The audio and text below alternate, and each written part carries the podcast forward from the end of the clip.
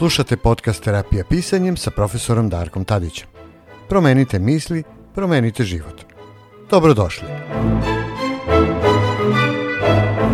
Dobrodošli u terapijske priče terapijskog pisanja. Priče koje ćete slušati su istinite iskustva mojih polaznika u radionicama. Pisali su ih sami u okviru terapijskih vežbi. Pisali su ih sa željom da iscele bol i patnju uz pomoć pisane reči. Sa željom da uzmu život u svoje ruke i nauče kako da se izbore sa izazovima života. Iz razumljivih razloga imena aktera i mesta događanja u pričama su izmenjena. Sve ostalo je život onako kako se zaista desio.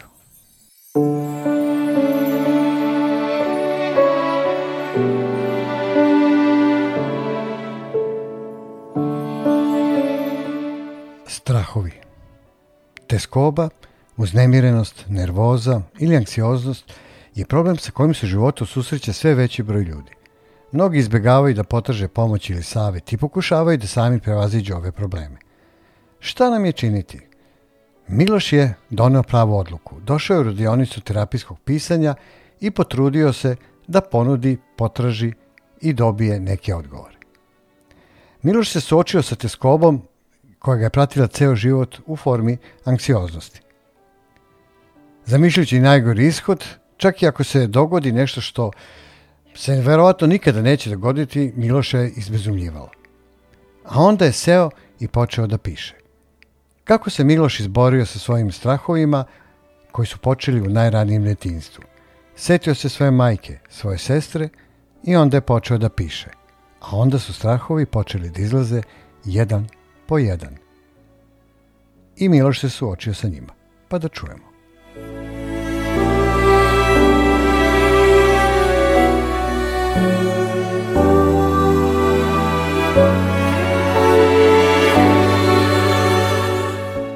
Miloš nije mogao da se seti vremena kada se nije bojao. Bojao se svoje majke zbog muškaraca koje je dovodila kući, a njenih nepredvidljivih promjena raspoloženja bojao se još i više. Udarila bi ga po licu sa jednakom lakoćom kao što bi ispred njega stavila tanjir sa žitaricama za doručak, a ponekad bi učinila i jedno i drugo u razmaku od 10 sekundi. Za razliku od nje, većina muškaraca nisu bili ni zli ni nasilni. Zapravo ponekad su ga vodili na košarkaške utakmice ili mu davali novac da im kupi cigarete ili pivo u radnji na uglu. No njegova majka i muškarac koji bi bio sa njom često bi njemu i sestri govorili da ostanu u dvorištu dok ih ne pozovu na večeru.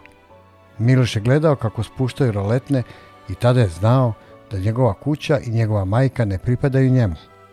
Ta spoznaja bila mu je mnogo gora od majčinog šamana.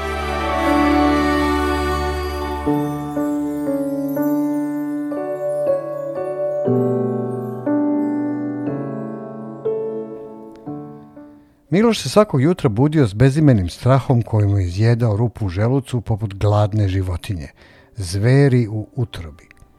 Prizori i snova pratili su ga kroz dan, nedefinisani, nepovezani, kao noćni odraz lica u prozoru tramvaja. Lica koja bi mu govorila da ništa ne vredi. To su bile slike koje su se gubile u sećanju kao sitni komadići papira koji tonu na dno bunara, neplanirano, nevođeno, i na kraju krajeva nevažno, sve dok nije počeo da piše i otkriva duboke stvari skrivene u njemu. Tada je polako počela da se gubi ta anksioznost ili kako su često govorili ta lebdeća anksioznost koja je trajala ceo njegov život sve dok nije seo i počeo ozbiljno da razmišlja i piše o tome. Dakle, strahovi mogu se pobediti, ali potrebno da im je pogledamo u lice da pogledamo naše demone, da vidimo ko su oni, gde se nalaze i tek onda ćemo možda biti u stanju da izađemo na kraj sa njima. Pa kako to da uradimo? Da čujemo u nastavku.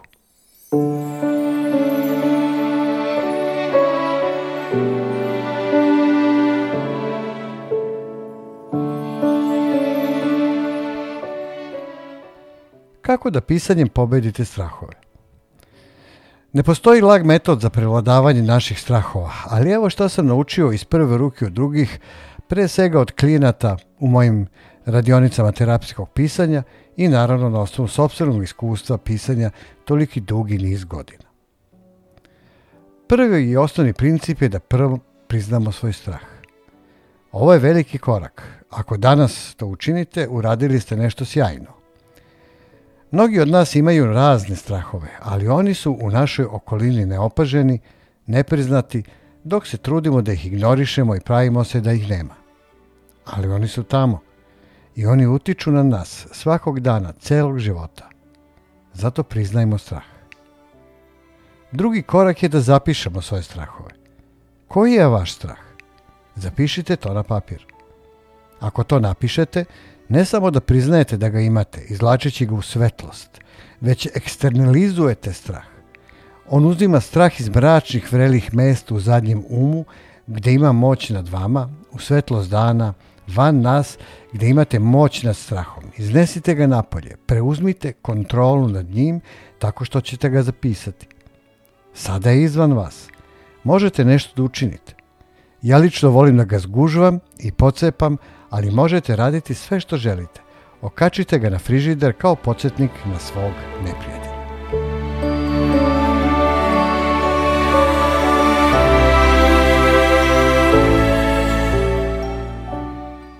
Treći korak je da dozvolimo sebi da zaista osetimo strah. Priznali ste, napisali ste ga, ali još uvijek se ga bojite. Nerado gledate u njega ali ne više. Kad počnete da terapijskim vežbama, ne više. Priznajte da niste sami, da svi imamo strahove, da svi mislimo da možda nismo dovoljno dobri. Zapitajte se, šta je najgore što se može dogoditi? Često nije uopšte tako loše kako mislimo. Ako se plašimo neuspeha u novoj karijeri, da li je to pravi strah? Da li se plašimo neuspeha u novoj karijeri? Šta bi se desilo da to učinimo? Da promenimo posao, da dobijemo drugi posao? Plašite li se da vas neko od suprotnog pola odbaci?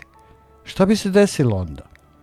Lizali biste svoje rane, pronašli biste nekog ko je više prikladan za vas, živeli biste. Svet se sigurno neće srušiti. Uvek ima način, uvek ima izlaz. Živećemo.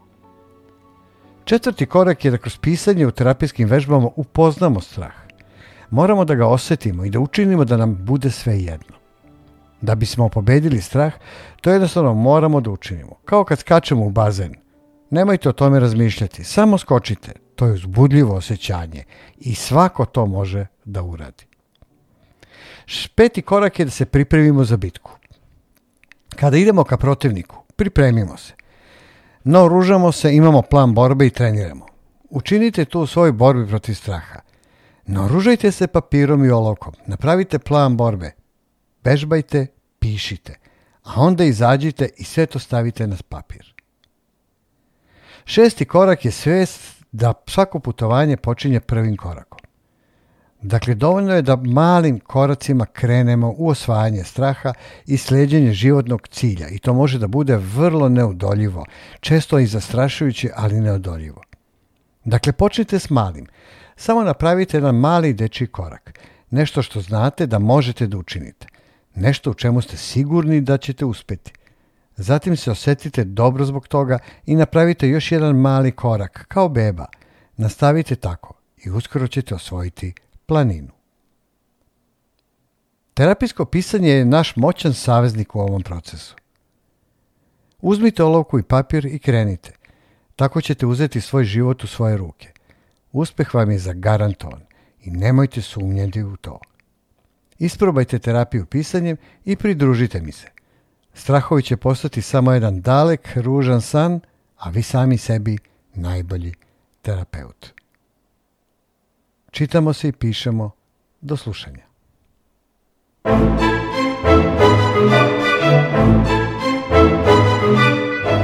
Slušali ste podcast Terapija pisanje profesora Darka Tadića. Pratite me i dalje na mom sajtu www.darkotadić.com i uživajte u terapiji pisanja. Do slušanja.